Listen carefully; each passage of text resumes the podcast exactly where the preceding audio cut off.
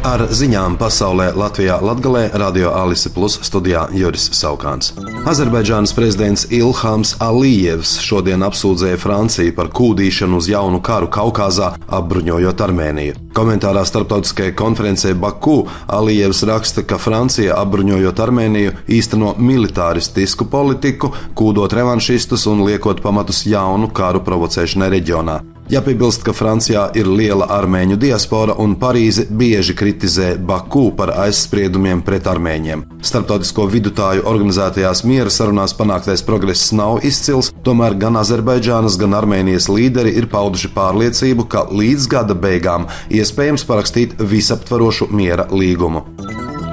Slovākijas premjerministrs Roberts Fico pārtraucis jebkādus sakarus ar vairākiem lieliem valsts medijiem, apgalvojot, ka tie nesniedz patiesu, savlaicīgu un visaptvarošu informāciju. Fico iepriekš bija paziņojis par plānu mediju pārstāvjiem aizliegt ieeju valdības ēkās. Pret Fico paziņojumu pie valdības ēkas protestē studenti.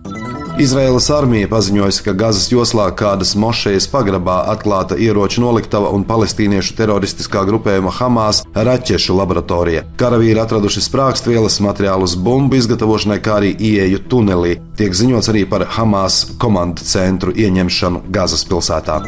Amerikas Savienoto Valstu aizsardzības ministrs Lloyds Ostins paziņojis par jaunu militārās palīdzības paketi Ukrainai 100 miljonu ASV dolāru apmērā. To jau ir apstiprinājis ASV kongress, un tajā paredzēta Ukrainas armijai nepieciešamās munīcijas piegāde.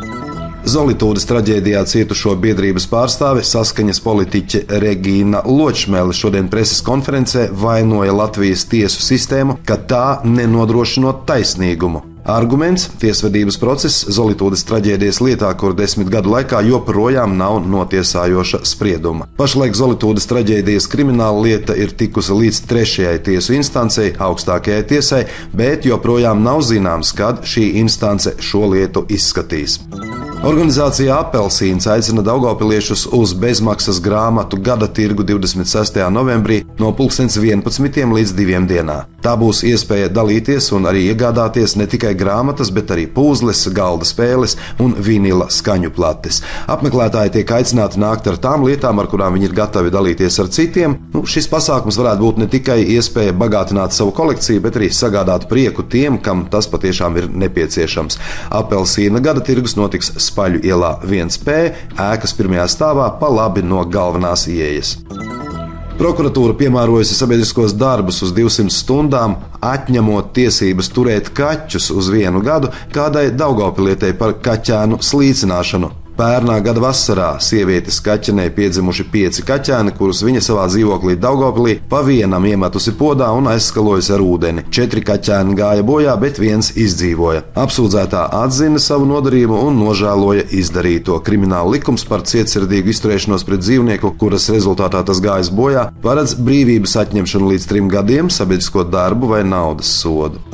Valsts ugunsdzēsības un glābšanas dienests 28. novembrī no 10.10. rītā līdz 10.20. visā valstī uz trim minūtēm iedarbinās trauksmes sirēnas, lai pārbaudītu valsts agrīnās brīdināšanas sistēmas darbību. Iedzīvotājiem pamata uztraukties nav, nekāda turpmākā rīcība nebūs nepieciešama, jo tā ir kārtējā trauksmes sirēnu pārbaude.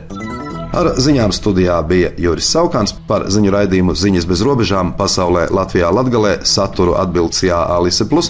Projektu finansē Mediju atbalsta fonds no Latvijas valsts budžeta līdzekļiem.